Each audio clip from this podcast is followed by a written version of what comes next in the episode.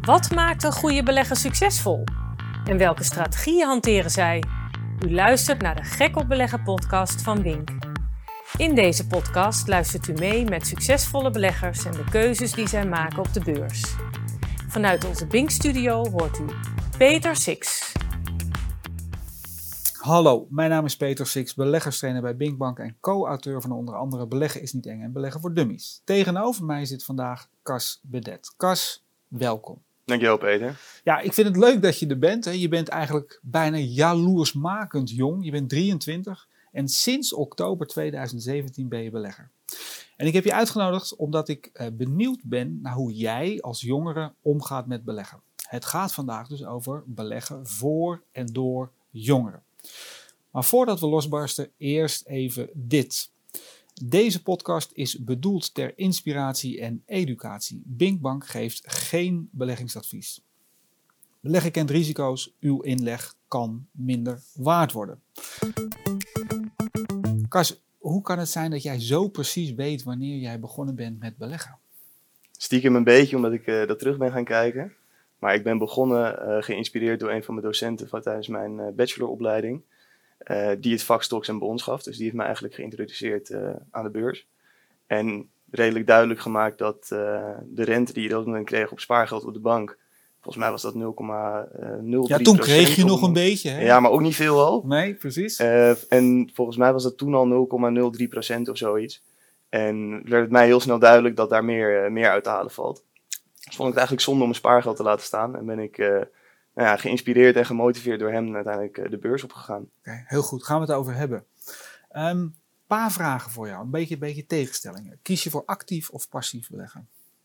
Voornamelijk passief beleggen gaan we het ook over hebben, want je doet dus ook actief. Ja. Um, een luier of een doevakantie? Dan ga ik voor een luiervakantie. Oh, ik had verwacht 23 vol energie. Die gaat vast en zeker alleen maar leuke dingen doen. Um, hey, beleg je alleen in Nederland of kijk je echt naar de hele wereld? Ik, uh, ik kijk zeker naar de hele wereld.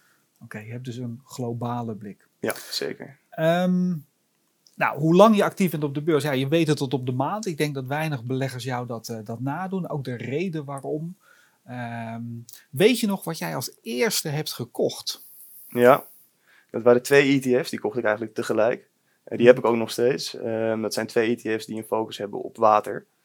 Um, mm-hmm. En eentje heeft wat meer een Amerikaanse focus en eentje wat meer wereldwijd. Ja. En uh, daar ben ik eigenlijk voor gegaan omdat ik uh, er steeds meer achter kwam dat water, onze primaire levensbehoefte, dat er eigenlijk gewoon een heel groot tekort aan is. Zeker aan uh, schoon water, schoon drinkwater. Mm -hmm. Ik weet het niet precies, maar volgens mij is 2 à 3 procent van het water op de hele wereld maar schoon water, waarvan er ook nog maar zo heel weinig beschikbaar is. terwijl we het heel erg nodig hebben. Dus daar heb ik eigenlijk toen een beetje naar gekeken. En ook dus samen met die docent die mij een beetje heeft geïnspireerd om te beginnen, dat uitgedokterd en eigenlijk bedacht van ja, dit is iets wat wat mij betreft in de toekomst een heel erg groot probleem gaat worden in de wereld. Um, dus als je daar enerzijds aan kan bijdragen door in die bedrijven te investeren en aan de andere kant ook nog van kan profiteren doordat die bedrijven groeien, was dat eigenlijk mijn eerste gedachte. Dus dat zijn uh, twee ETF's die ik nog steeds heb. Leuk. En, en was het fijn om zeg maar de hulp van de docent te krijgen? Want jij komt met het idee, ik wil iets doen in water. Ja. Dat, ik denk dat meerdere mensen dat herkennen, dat als ze zo'n idee hebben, dan is het natuurlijk de vraag, ja, maar hoe effectueer ik dat dan?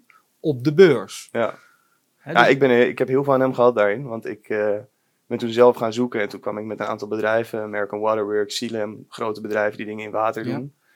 En hij was eigenlijk degene die toen ook zei van... Uh, prima, grote bedrijven, kan je, kan je instappen. Maar als jij nou over het algemeen gelooft in uh, dat een hele sector of een hele bepaalde trend belangrijker gaat worden, kan je door middel van een ETF inzetten op zo'n hele trend. En daar was ik wel van op de hoogte, maar niet zodanig. Nee, je had het um, waarschijnlijk niet als, als, zeg, als een heel goed alternatief nee. gezien. Nee, inderdaad. En dat hij dat aanstipte, maakt het voor mij eigenlijk duidelijk dat ik dacht van ja, wie ben ik nou als nou ja, jongen van 20 op dat moment om tussen al die bedrijven die wat in het water doen, het winnende paard uit te gaan kiezen. Mm -hmm. um, zo, zo goed ben ik er niet in. Maar ik denk wel dat ik het inzicht heb om in te kunnen schatten van hey, die, die sector gaat groeien en mm -hmm. belangrijker worden. Dus dan is een ETF wat mij betreft een heel goed middel om daarop ja. in te zetten. Ja. Nou, even voor de, voor de luisteraars die, die het begrip ETF niet kennen. Dat is eigenlijk een mandje aandelen dat een bepaalde index, een bepaalde regio of een bepaalde sector volgt. Nou, en hier kwam je dus zelf met zeg maar, ehm, het idee, het moet iets met water te maken hebben. In eerste instantie gekeken naar individuele bedrijven, maar toen zei je docent, en ik denk terecht, van ja, maar kies ook dan binnen hè, die, die, in dit geval sector, kies daar ook voor spreiding Ja. en koop gewoon een mandje. Ja. Je hebt ze nog steeds. Ik heb ze nog steeds, ja. En volgens mij staat er best een leuk rendement op. Ik ben heel blij mee, ja. Ja, kan ik Ja. me voorstellen. Wanneer zou je daar uitgaan? Of zeg je van nou, ik, Ik, ik zie me daar zelf niet zo, eh, niet zo snel uitstappen. Ehm, ik denk dat als je nu naar de cijfers kijkt van hoe het eigenlijk gaat, ehm, dat het probleem alleen maar groter wordt. Eh, de WHO is laatst met een rapport gekomen Ja. die zeggen dat er in 2025 eh, de helft van de wereldbevolking met serieuze waterproblemen zit. Nou, in 2025 klonk altijd als ver weg, maar inmiddels is dat vier jaar weg. Ja. Ehm, en ook eh, United Nations heeft een rapport geschreven over dat water echt het grootste probleem van deze eeuw zou kunnen worden. Dus eh, nee, ik zie mezelf daar niet snel uitstappen. Ik denk dat daar nog heel veel, eh, heel veel in gaat gebeuren en dat we daar nog meer over gaan horen. Hey, en waarom doe je het? Hè? Want volgens mij was de ene reden dat je zei, ja, de rente op spaargeld, dat is wel heel weinig. Maar zit er ook, en dat zou passen bij je leeftijd hoor, maar zit er ook nog iets in van, ja, maar eigenlijk wil ik wel rijk worden met dat beleggen? Ja, ja, tuurlijk. Ik denk, dat, ik denk dat voor heel veel mensen, voor mij ook zeker, de reden dat je op de beurs zit, is dat je, dat je geld meer waard wordt. Ehm, dus ja, dat, dat zit er zeker in. Dat zit er zeker in, ja. Oké, dus eigenlijk moeten we nu al de afspraak maken voor over 30 jaar. En dan gaan we bespreken of het gelukt is of dat het nog steeds de ambitie is om rijk te worden. Vind ik goed. Ja. Ja. Ehm, ik, weet niet, ik weet niet of ik dan nog werk. Hè? Dan ben ik 85. Ik weet je wat te vinden, Peter. ja, dat zou zomaar kunnen. Ehm, geloof jij, jij bent er, en misschien is dat eh, extern gemotiveerd, misschien intrinsiek gemotiveerd ehm, voor dat beleggen. Maar heb jij het gevoel dat, dat de Nederlander in het algemeen meer zou moeten beleggen? Ja, ik denk het wel. Ik denk, dat, ehm, ik denk dat de meeste Nederlanders wel wat spaargeld weg hebben staan. En dat moet je ook altijd houden. Dat blijkt, hè, er staat 380, 390 miljard spaargeld bij de banken. Nou, dat Nou, is best veel. Dat is genoeg volgens mij. Ja. En het is altijd goed om wat achter de hand te houden, maar eh, ja, niet alles. En ik denk dat als je ook naar Nederland kijkt en dat vergelijkt met Amerika, daar wordt daar volgens mij gemiddeld per, per inwoner veel meer belegd. Zijn er veel meer beleggers actief op de beurs in Amerika. Mm. En daarin lopen wij denk ik een beetje achter, wat, wat mij betreft heel erg zonde is, omdat er gewoon heel mooi rendement te halen is. Nou, en misschien leunen best nog wel veel Nederlanders ook op het idee dat, dat alles voor hun financiële toekomst wel goed geregeld zal zijn. Hè. We hebben de AOW, we hebben de bedrijfspensioenen. Eh, en voor een Amerikaan was het natuurlijk gewoon ook vanuit, cult, hè, vanuit de historie en vanuit de cultuur. Ja, je moet daar zelf voor zorgen. Ja, Ehm, ja, je bent nu een aantal jaar bezig. Heb jij daarin een aantal dingen gedaan waarvan je nu zegt: Oh, dat had ik nooit moeten doen. En als ik mijn, mijn broertje of mijn buurjongetje uit moet leggen, of mijn buurmeisje uit moet leggen, als je gaat beleggen, doe dit nou niet. Wat, wat zou dat zijn, Cas? ik, eh, ik ben er wel schuldig aan geweest een keertje te gierig zijn geworden. Dat ik in hele korte tijd een, eh, een belegging die ik had gedaan eh, enorm zag stijgen. Ja. Die, was, die verdubbelde in twee maanden. Waardoor ik eh, dollartekens in mijn ogen kreeg en dacht van dit gaat, dit gaat helemaal over de kop. En maand Nou, dat later- was het al geweest. Hè? Dat was het al geweest. Ja. En dat, daar, daar ben ik een beetje, een beetje hebberig in geworden. Dus een maand later stond hij weer een stuk lager. Wel nog steeds bovenop waar ik was ingestapt. Maar dat heeft me eigenlijk wel geleerd dat voor bepaalde, voor bepaalde sectoren, kijk, zoals we net zeiden over water, daar, daar zit ik echt voor de hele lange termijn in. Mhm. Maar voor bepaalde dingen moet je op een gegeven moment genoegen nemen met, met een mooi rendement. En ehm, niet bang zijn om uit te cashen als je gewoon, als je gewoon een mooie winst, eh, winst behaald hebt. Ja. Daar heb ik wel een keer een fout in gemaakt. Oké, maar hebben- het- hij is net al heel even langsgekomen. Hè? Je zegt een, een gedeelte van mijn portefeuille is, is passief, of misschien wel het grootste gedeelte, en een gedeelte is actief. Ja. Kun je daar iets meer over zeggen hoe jij daarnaar kijkt? Dus tussen actief en passief beleggen. Ja, ja ik, heb, ik heb een aantal, aantal trends, sectoren gedefinieerd die wat mij betreft voor de toekomst eh, heel belangrijk gaan zijn. Zoals ik net zei over dat water. Maar, Maar dat is dus de komende jaren. ja, misschien ja, wel echt hele lange termijn. Ja, zeker. Ja? Ehm, dus dat is dat water, maar bijvoorbeeld ook robots, artificial intelligence, ehm, bepaalde dingen in de infrastructuur, waar- waarvan ik denk dat dat de komende tientallen jaren inderdaad gewoon Mhm. veel belangrijker gaat worden en heel erg gaat groeien. Ehm, en er zijn ook een aantal dingen waarvan ik denk van dat zijn, dat zijn meer short-term plays, zeg maar, die op, eh, die op de korte termijn wat meer kunnen spelen. Maar dat doe ik met een, met een kleiner gewicht van mijn portefeuille Ja. Omdat ik eh, vooral gewoon voor de lange termijn erin zit. Ja. En uiteindelijk, wat je eigenlijk altijd ziet, is dat de aanhouder wint. En blijven zitten is eigenlijk altijd goed. Ja. Ehm, dus vandaar. Maar als ik het goed begrijp, zeg je gewoon dat, dat voor een aantal trends die jij ziet, die de komende jaren zullen spelen, daar ben je gewoon een saaie, passieve, long-term investor, Ja. zeg maar. Maar er zijn ook een aantal dingen die op kortere termijn gebeuren. En daar, daar zou het dus kunnen zijn dat je iets koopt en over drie maanden weer verkoopt. Dat zou kunnen, ja. Ja, kunnen. En dan Ja. binnen dat actieve gedeelte van je portefeuille, dan had je dus een keer de mazzel iets te kopen. Plus 100% in een aantal weken tijd. Mhm, En toen dacht je, hij gaat nog verder. Precies. Maar ik- hè, kun jij, kun jij eh, volgen dat je misschien ook wel verschillende aanpakken moet hebben voor die twee verschillende gedeeltes in je portefeuille? Zeker, ja, zeker. Ja, maar ja, dat heb ik dus ook geleerd door te doen. En dat is denk ik ook wel hoe het voor heel veel mensen gaat op de beurs. Eh, het is gewoon vallen en opstaan. En ik ben blij dat ik vroeg ben begonnen, want daardoor eh, heb ik al Ja. een aantal wijze lessen geleerd zoals dit. Overigens is het wel goed gekomen hoor, met die die instort. En die is namelijk daarna weer eh, gegroeid ook. En toen ben ik wel op winst kunnen uitstappen. Dus gelukkig dat het goed is gekomen. Oké, maar één van de fouten was dus, zeg maar, te hebberig worden in het actieve gedeelte van mijn portefeuille, waar ik dus relatief makkelijker in en uit kan stappen. Ja. Maar ik dacht, nou die 100%, ja, daar gaat nog 100% bij komen. Nou, niet, niet het geval geweest. Maar is er nog iets waarvan je zegt, nou, dat heb ik de laatste jaren gewoon geleerd? Hmm, ja, ik denk dat het goed is om, om op het moment dat je eh, ergens instapt, ergens in gaat beleggen, te weten waarom je dat doet. En dat slaat ook een beetje terug op, eh, op die fout die ik Mhm. heb gemaakt. Maar doe je dit om, eh, omdat je denkt dat er een snelle koersstijging aankomt, omdat er kwartaalcijfers bekend gaan, gaan worden en je denkt dat er iets gaat be- bewegen? Of doe je dat omdat je denkt dat dit een bedrijf is of een fonds is wat voor de lange termijn veel gaat opleveren? En dat, dat altijd heel goed in je achterhoofd te houden en dat niet uit het oog te verliezen. Schrijf je, schrijf je dat soort overwegingen ook op? Dat je, Eh. dat je eigenlijk een investeringslogboek bij gaat houden. Ik, ik deed het, ik schreef het op. Ja. Ehm, alleen voor, die, voor, die, voor dat deel in mijn passieve deel van mijn, van mijn portefeuille, wat ik dus voor de hele lange termijn heb, ja, slaat dat eigenlijk nergens op wat mij betreft. Omdat ik zoiets heb van dit hou ik gewoon echt heel lang vast. Mhm. Ehm, dus ja, dan kan ik het gaan opschrijven. Maar dat, eh, ja, ik zie daar niet direct het nut van in. En voor die andere deed ik het in het begin wel, maar inmiddels heb ik dat een beetje laten varen eigenlijk. Vind je het jammer of niet?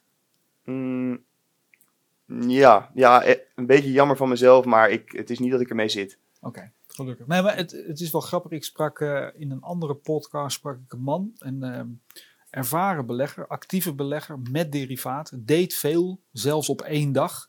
Maar hij zegt van alles wat ik doe, schrijf ik op. Waarom? Nou ja, En hij zei dan van ja, dan kan ik altijd morgen of volgende week of volgende maand kan ik toetsen van de beweegredenen om dat te doen. Kloppen die nog steeds?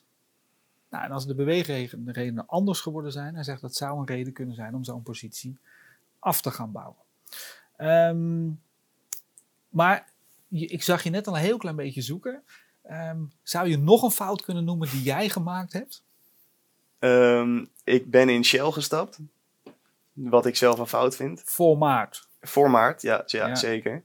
Ik ben volgens mij in Shell gestapt toen hij eh, ergens halverwege de 20 stond. Ja, daar zullen veel eh, beleggers op ingestapt zijn. Ja. Daar heeft hij namelijk heel lang gestaan. Precies. En eh, omdat het ook een dividendaandeel is, is het niet erg als hij dan een klein tikje krijgt. Alleen, die heeft wel een flinke tik gekregen. En eigenlijk, als ik nu terugdenk, heb ik geen idee waarom ik in Shell gestapt ben. Ehm, er zijn wat mij betreft zoveel mogelijkheden op de, op de wereldwijde beurs. Ehm, ik, ik weet oprecht niet waarom ik dan Shell heb uitgekozen. En eh, ik zit nu nog steeds met een, met een positie in Shell. Met een, met een negatief rendement erop. Ja. Dus dat, eh, dat is jammer. En dat is ook wat ik net eigenlijk ook al zei. Weet waarom je wat doet. Ehm, ik weet niet waarom ik in Shell ben gestapt. En dat is eigenlijk een beetje een beginnersfout. Dus eh, dat zou ik niet nog Nou, misschien moeten we hem lostrekken van, van Shell. Hè? Dat is ja, een voorbeeld. ja, dat is voor mij. Hoor. Ja, precies. Maar weet trouwens dat dat nog steeds een top 3 aandeel is van Bing-klanten. Hè? Dus er zitten heel veel mensen in Shell. ja. Ehm, maar eigenlijk meer dat je terugkomt op je eerdere inzicht al van weet waarom je iets doet. En nu zou je mij niet kunnen vertellen waarom je toen in Shell stapt. Nee. En dat kan ik voor al mijn andere posities wel. Oké. Nee, dat is een mooi inzicht ook. Hey, en, en misschien dat jij de fouten niet gemaakt hebt, ook omdat je er hè, ook op, op, zeg maar op de universiteit al les in hebt gehad. Ehm, zou er nog iets zijn waarvan jij zegt, ja, als iemand begint, want je zegt ook, ga gewoon doen, begin Mhm. gewoon. Maak deze fout niet. Vind ik, eh, vind ik een lastige, maar ik denk, ik denk dat het allerbelangrijkste is van wat jij zegt, ga het gewoon doen. Ja. Begin er gewoon mee. En eh, maak deze fout niet. Ik denk dat de grootste fout die je kan maken is door je volledig te focussen op één, eh, op één aandeel of één fonds. Dat je altijd een stukje spreiding moet zoeken. Ja. Eh, ik ben niet van de klassieke spreiding en dat je en in obligaties en, eh, en noem maar op moet gaan. Maar ik denk Jij niet, kiest eh, voor alleen aandelen. alleen aandelen kies ik inderdaad voor. Ehm, omdat ik dat, dat heeft mijn interesse en Mhm. dat vind ik interessant. Maar ehm, zoek toch wel een stukje spreiding. Denk niet, ga niet mee in een bepaalde hype en denk van nou, ik stort me nu vol hierop. Op dat ene aandeel. Op dat ene aandeel of op... Maar zou je eh, het wel op één trend durven? Of zeg je ook binnen de trends? Zoek gewoon een aantal trends. Hè? Jij noemde water, je noemde artificial intelligence, Ja. je noemde infrastructuur. Hè, dus ook binnen je trends die jij verwacht de komende decennia, Ja, breng je ook spreiding aan. klopt. Dat is wel een beetje zo gegroeid eigenlijk, naarmate ik eh, langer bezig was. Ik begon Mhm. echt met twee, eh, twee dingen puur in het water. Daarna is daar eh, robots bijgekomen, artificial intelligence en zo is dat een beetje uitgebreid. En wat inmiddels nu een best wel mooi gespreide portefeuille is. Maar het begon redelijk gefocust. Ehm, maar wel door middel van twee ETF's. Dus dan heb je alsnog binnen die sector wel he- heel veel spreiding. Ehm, ik vind het wel interessant van, hè, je hebt als ene invalshoek gewoon jouw visie op de wereld. Eh, hè, dat, dat, die kan zich ont- ontwikkelen in, in trends. Maar hoe maak je keuzes om iets wel of niet te kopen? En dat, dat zou dan zelfs de keus tussen een aantal ETF's binnen Mhm. artificial intelligence kunnen zijn. Waar kijk je daarnaar? Ik, eh, ik lees er heel veel over online. Er zijn een aantal, eh, aantal websites waar je als belegger, als particuliere belegger terecht kan. En eh, wat mij betreft hele waardevolle informatie op kan doen. Kan je, daar, kan je er één of twee of drie Ja, noemen? Seeking Alpha vind ik een hele fijne. Ik weet niet of je die kent. Ja. Dat vind ik, vind ik een hele fijne. Het is eigenlijk een, een website, een beetje forumachtig, waar mensen hun, hun, hun zelf, zelfgeschreven artikelen delen over wat er gebeurt op de beurs, over bedrijven, fondsen, trends die ze zien, noem maar op. Ja. Eh, daar kan je hele waardevolle informatie vandaan halen. Het zijn vaak hele lange artikelen, maar eh, de introductie en de conclusie lezen heb je vaak al heel veel aan. Ja, dat is Seeking Alpha. Ja. En alpha is zeg maar rendement genereren boven de benchmark. Precies. Dat is alpha. Ja. Maar dit gaat dus over Seeking Alpha. Ja. Heb je er nog één? Eh, dat vind ik een hele fijne. IEX kijk ik op. Dat Ja. is natuurlijk ook een eh, website met veel, eh, veel nieuws, daarover. Ik lees elke dag de FD, het FD. Mhm. Puur omdat ik daardoor gewoon heel erg meekrijg van wat, wat gebeurt er nou eigenlijk Ja. in Nederland, maar ook in de hele wereld schrijven zij over. Ja. Dus ik denk dat het belangrijk is, is om gewoon vanuit veel invalshoeken informatie te krijgen. En daar wat, daar wat mee te kunnen doen. En uiteindelijk wel zelf, gebaseerd op verschillende, verschillende input, je, je beslissingen kunnen maken. Ik heb wel eens gezegd dat, dat je moet leren om je eigen visie te ontwikkelen. Weet je, en dat, dat, dat kost gewoon tijd. Ja, En dat betekent uit verschillende informatiebronnen eh, eh, informatie tot je nemen. Daarbij krijg je natuurlijk ook gewoon te maken met dingen die je zelf beleefd hebt op de beurs. Dus eigen ervaring. En zodoende kom je tot een visie. En dan acteer je daarop, denk ik. Ja. Ehm, gebruik jij afgeleide producten, derivaten, zoals turbo's, opties of dat soort dingen? nee. Nee, nee, helemaal nog, niet. eh, nee, heb ik helemaal niet gedaan. Heb je ook niet iets dat je daar met een schuin oog naar kijkt? Of zeg je van, Ik, ik ben het afgelopen, afgelopen half jaar ben ik er een paar keer, heb ik er een paar keer over nagedacht. Heb ik erover zitten twijfelen om het te doen. Ehm, maar uiteindelijk heb ik, het, eh, heb ik het niet gedaan. Ik denk enerzijds omdat ik er gewoon niet, niet genoeg bekend mee ben. Ehm, het is, ik, heb, ik heb er wel eens wat over geleerd en gelezen en gedaan, maar ik, eh, ik, ben, er, ik ben er gewoon niet helemaal comfortabel mee. Ja. Dat vind ik een hele goede reden om het niet te doen. Hè, Ja. Als, je, als je het niet snapt, niet doen. Punt. Ja, Dat, ja hè, zeker. Je zou natuurlijk wel kunnen inlezen en je, je kennis vergroten dan over derivaten. Maar, eh, maar jij, jij hebt dat gedaan en gezegd, nou ja. maar- Ja, ik, eh, ik, ik sluit het zeker niet uit. Ik denk, het is, Mhm. ik zie mezelf het echt wel doen in de toekomst. Alleen op, dit moment, op dit moment zie ik, nog niet, eh, zie ik mezelf dat nog niet eh, zo succesvol even eruit, eh, eruit klappen. Ja. Dus, Oké, nu ga ik, en het is misschien een beetje een, een, een, lastige stelling. Heb, heb jij al een, een specialiteit als belegger? Hè? Als 23-jarige belegger die begonnen is sinds oktober 2017. We zitten nu aan begin 2021. Hè? Heb jij al een specialiteit ontwikkeld? Ehm, vind ik moeilijk om te zeggen. Ik ben, ik ben wel, en ik denk dat ik daar dat ik dat redelijk goed heb gedaan. Ik ben er een aantal keer vroeg bij geweest. Bij Ehm, een ontwikkeling. Ja, ja. Ehm, zoals nu bij een, eh een SPAC, Churchill Capital 4. Ik denk dat jij dat ook wel hebt meegekregen. Die door middel van een, eh, die SPAC die wil Lucid Motors, een elektrische autobouwer, naar de, naar de beurs krijgen. Mhm.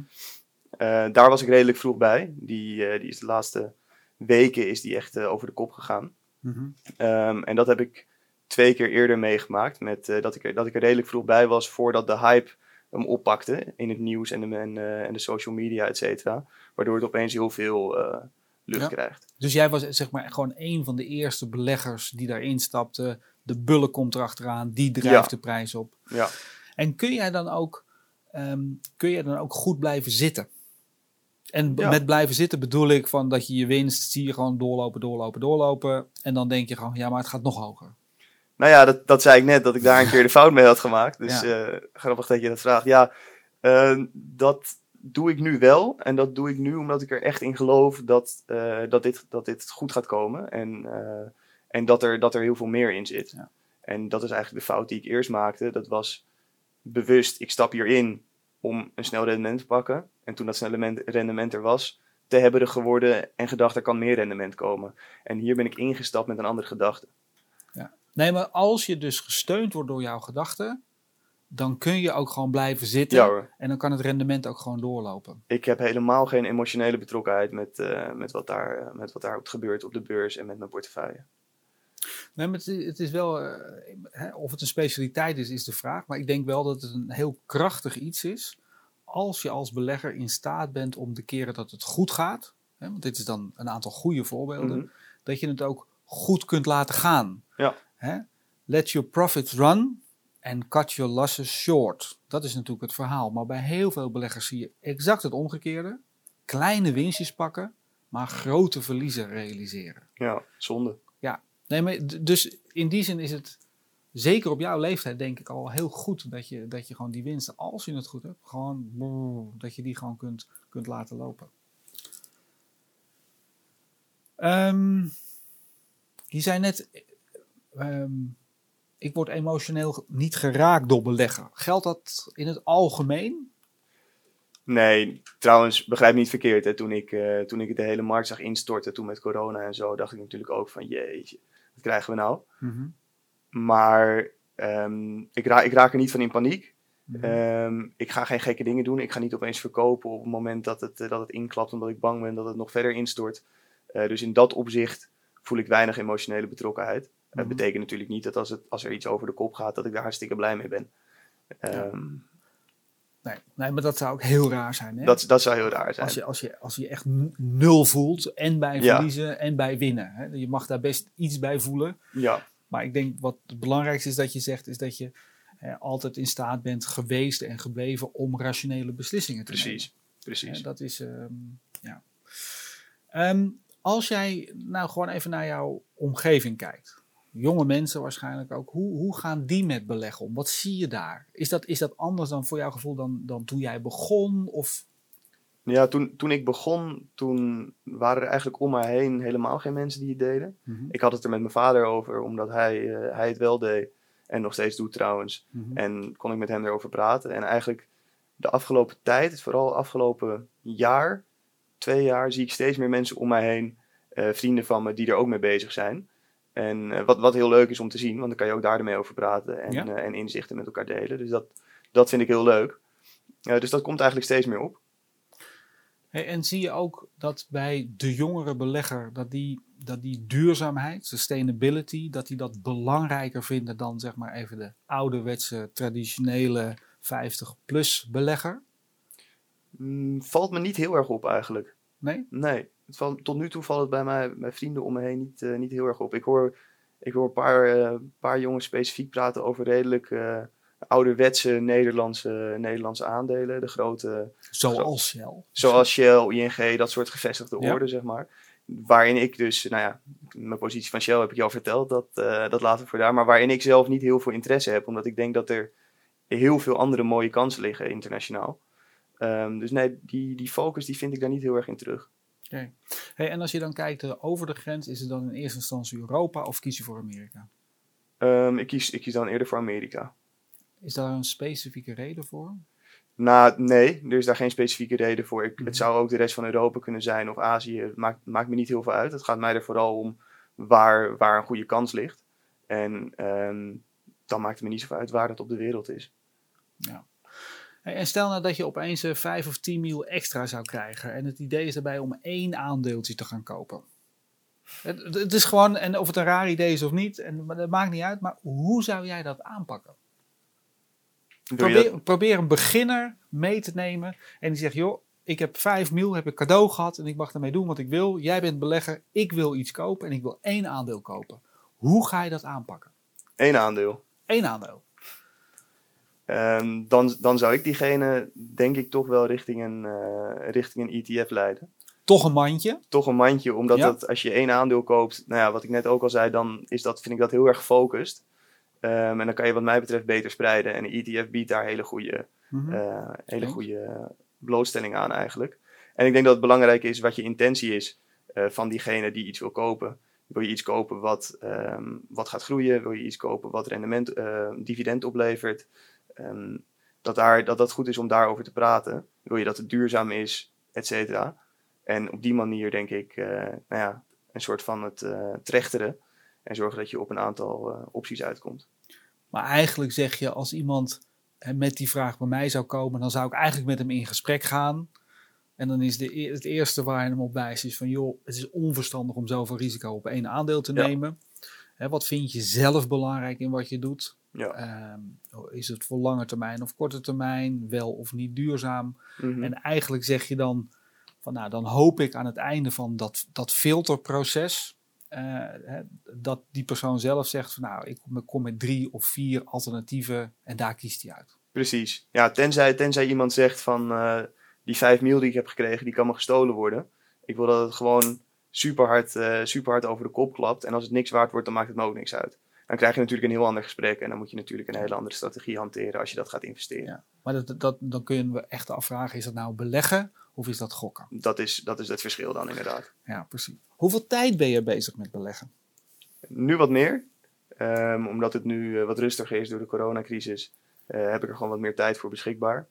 Maar over het algemeen heel weinig. Want ik zeg, ik lees elke dag, eh, elke dag de krant. Mhm. Maar ja, dat duurt ook niet lang. En verder Mhm. struin ik een beetje het internet af op zoek naar, eh, op zoek naar nieuws en interessante inzichten. Maar dat kost mij, eh, dat kost mij niet veel tijd. Oké, dus operationeel gezien is het niet zo dat jij drie, vier, vijf uur per dag ermee bezig bent. Nee, zeker niet. Nee. Zeker niet. En ik heb dus een heel groot passief stuk. Dus ik denk dat dat ook een hele belangrijke is om mee te geven. Van als, jij, als jij spaargeld hebt en je wil gaan beginnen met beleggen. Als je het in een aantal dingen stopt waarvan je denkt van hé, hey, voor de hele lange termijn gaat dit Mhm. gewoon veel opleveren. Hoef je er echt niet elke dag naar om te kijken. De kans is waarschijnlijk eerder dat dat negatief uitpakt. Precies.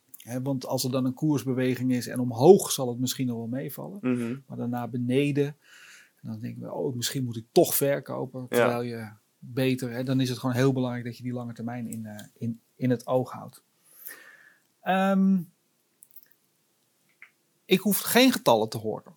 Maar ik ben wel benieuwd naar wat, wat heeft beleggen jou gebracht. Maar met name niet financieel. Kun je dat benoemen? Wat, wat, hè, ben je een rijker mens geworden? En dus niet in geld, maar ben je een rijker mens geworden omdat je bent gaan beleggen? Ja, ik, ik ben sinds ik ben begonnen met beleggen veel meer eh, bezig en betrokken met wat er eigenlijk gebeurt in de wereld. eh, met het hele wereldnieuws. Wat ik, heel, wat ik heel interessant ben gaan vinden ook. Dus nu volg ik dat veel meer. En ik volg het niet eens meer alleen omdat ik dan weet wat er met mijn portefeuille gaat gebeuren. Maar omdat ik het gewoon echt interessant vind ook.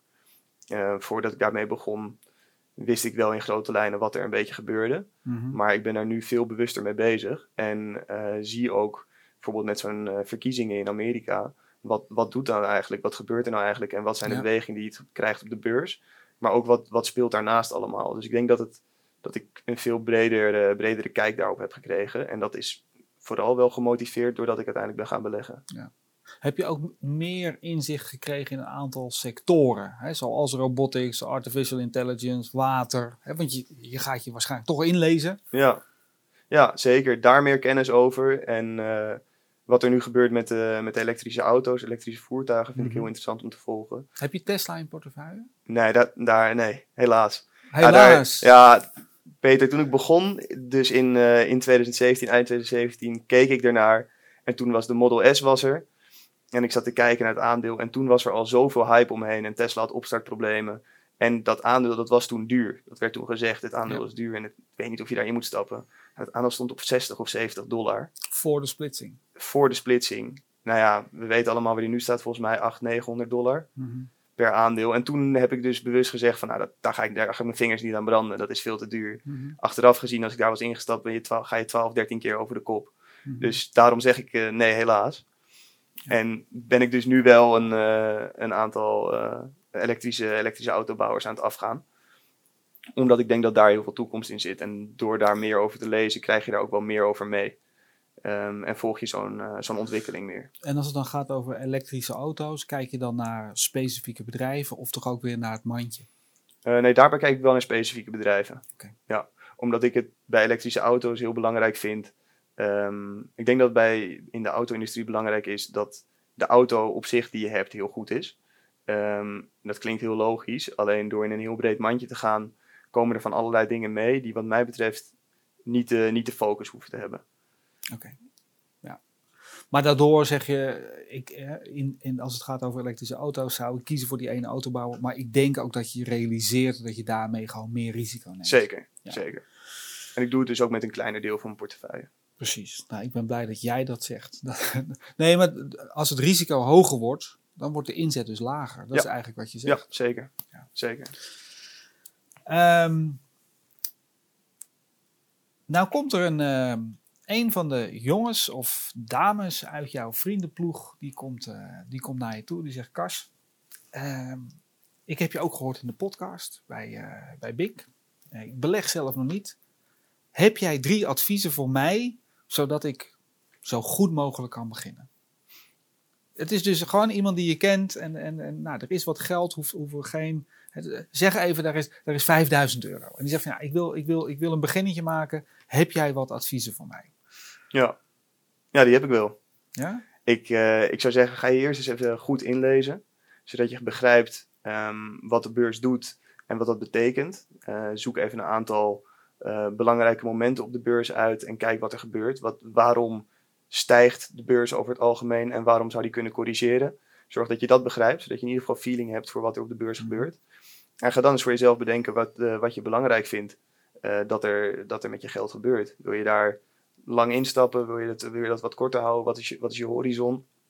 Maar En- eigenlijk, eigenlijk is het, lijkt het heel erg op hè, wat je ook die andere vriend als advies gaf. Ja, Je gaat in gesprek met hem of ja haar. zeker. En dan zeg je eigenlijk van ja, maar wat, wat vind jij belangrijk? En dan heb je het over termijn, Ja. over risico. Hoe werkt het nou? Nou, iedereen doet het voor een andere reden, eh, denk ik, beleggen op de beurs. En, eh, en over het algemeen denk ik dat het heel erg belangrijk is, is dat je in fondsen stapt, in eh, bedrijven, mandjes, maakt verder niet uit, eh, waar jij in gelooft en waar jij eh, het perspectief in ziet. Mooi. Ik denk dat je voor iemand van 23 echt een goede visie al hebt. Hè, dat, dat, nou ja, maar dat, dat heeft er volgens mij ook mee te maken dat je, dat je, dat je het al een tijdje doet. Hè? Ja. Dus je hebt gewoon ook een aantal dingen meegemaakt. Ehm, je hebt zelfs eh, de coronacrisis meegemaakt en dat was best heftig wat daar gebeurde. Ik bedoel, ik loop iets langer mee dan jij, maar hè, wat daar gebeurde was echt eh, ongekend. Dat was pittig, ja. Dat was, eh, we moeten terug naar 1933 om die heftigheid van die beweging terug te zien. Hoeveel Dus- procent was het uiteindelijk dat die dipte? Ja, iets van 35 procent. En die, Ja. die bewegingen zijn in het verleden wel groter geweest, maar nooit zo snel. Maar het herstel is ook nog nooit zo snel geweest, toch? precies. Dus het was, het was heftig beide kanten op. Ja. En dan met name qua eh, de hoeveelheid dagen die het in beslag nam om zo hard te dalen. En dan ook weer het aantal dagen wat nodig was om weer te herstellen. Dat is ja, ongekend. ja, 2020 was een bizar beursjaar. Zeker. Deze, eh, je, je was op de beurs actief. En eh, misschien is dat hè, het feit dat je toen al actief was, is over tien jaar nog een keer een reden om je uit te nodigen van hè, you were there. Lijkt me heel gezellig. Jij was erbij. Hey, is er nog iets dat ik, dat ik niet gevraagd had, maar wat je wel verwacht had? Of waarvan je zegt, ja, maar dat, dat, dit vind ik ook nog belangrijk om te zeggen. Nee, niet direct, nee. Nee. En indirect? Dan, uh... Nou, wel nog iets wat ik jou zou willen vragen, als daar ruimte voor is. Ja, kan altijd. We kunnen er altijd uitknippen hè, als het niet Ja, precies, precies. Hoe kijk jij naar um, contant houden voor het moment dat er een correctie aankomt? Nou, een interessante vraag, hè? Want, want eigenlijk zeg je, de meeste mensen zijn altijd hè, vol belegd. Uh, en is dat verstandig? Ik denk dat het wel slim is om een gedeelte van je portefeuille cash aan te houden. En of dat dan 10% of 30% of 50% is, dat, hè, dat, dat verschilt een beetje. Ik denk dat voor de meeste mensen die zullen zeggen, um, hè, dat zal eerder in de regio 10 tot 30% zijn als ze cash zitten. Maar ik denk dat dat uh, gemoedsrust geeft, omdat je weet als die beurs gaat zakken, dan heb je nog wat, wat buying power. Hè? Dan kun jij nog wat bijkopen van een aantal dingen die naar jouw mening te hard, te hard gezakt zijn. Dat betekent ja. wel dat er dus op een moment in een daling, dat jij dan 100% belegd bent. En als je dan nog 5 of 10 of 15% verder zakt, ja, dan doe je ook echt voor de volle bak doe je mee. Um, het vereist ook wel dat je, dat je wat actiever ermee bezig bent. En voor een aantal mensen die zullen zeggen van joh, luister, ik ben gewoon long only, vol belegd, that's it. Maar als je wat actiever bent en af en toe ook gebruik wilt maken van, van de dips die er af en toe zijn op de beurs, ja, dan kan het denk ik niet anders dat je ook altijd een stukje cash zit. En dan ergens in die weg naar beneden ga je erin. En als je dan, net zoals in maart, april, zo'n heel snel herstel hebt, dan zeg je op een gegeven moment ook weer, nou, ik ga er weer uit, want ik wil weer die cashpositie ja. in mijn portefeuille hebben, want die geeft mij flexibiliteit op het moment dat ik het nodig heb. Ja, dus eigenlijk zeg jij voor een, voor een actieve belegger of een enigszins actieve belegger is het altijd goed om wat achter de hand te hebben. Ja. ja. ja. Ik, ik vind het een lastige, omdat je altijd ook wat rendement mist. Ja, klopt. Um, en nou ja, al heb je het een paar maanden vast en dipt die, is het heerlijk. Maar heb je het een paar jaar vast ja. en dipt die, dan dipt die misschien niet eens onder het niveau waarop je had kunnen instappen. Eens. En dat vind ik zo'n lastige paradox eigenlijk. Eens, maar dan kun je dus zeggen, dan is mijn percentage wat ik cash zit, dat hou ik veel kleiner. Ja. He, dat je zegt van ik zoek dat in de, in de 5% of in de, in, in de 10%. En dan is zeg maar 12,5% is max wat ik in mijn beleggingsaanpak cash mag zitten. Ja. Maar dan heb je nog steeds wel ruimte om iets cash aan te houden en dan kun je wel bewegen. Ik denk namelijk dat het, het gevoel van kunnen bewegen als die markt heftig is, dat geeft ook weer rust. En die rust kun je ook weer gebruiken om rationele beslissingen te blijven nemen. Ja, eens. Dus, nou, Ja. zo denk ik over. Maar eh, goede vraag. Dankjewel. Leuk. Ehm, ik ga Kas heel hartelijk danken. Kas, ik vond het een heel leuk gesprek. En volgens mij gaat het allemaal goed komen. En als je dit doorzet waar je nu mee bezig bent en je gaat geen domme fouten maken, dan gaat het volgens mij over 30 jaar heel erg goed met jou financieel gezien. Ik hoop het. Ja, en daar ga je je best voor doen volgens mij. Zeker weten. Um, wilt u nou ook een keer te gast zijn? Stuur een mailtje naar academy.bing.nl. Ik ga u bellen, we gaan in gesprek van waarom u vindt dat u hier mag zitten. En uh, nou, wie weet uh, zit u ook uh, achter de microfoon. Ik, um, nogmaals, Kas, bedankt. Leuk dat je er was, sportief dat je hier wilde zijn en uh, supergoed. U bedankt voor het luisteren en graag tot de volgende.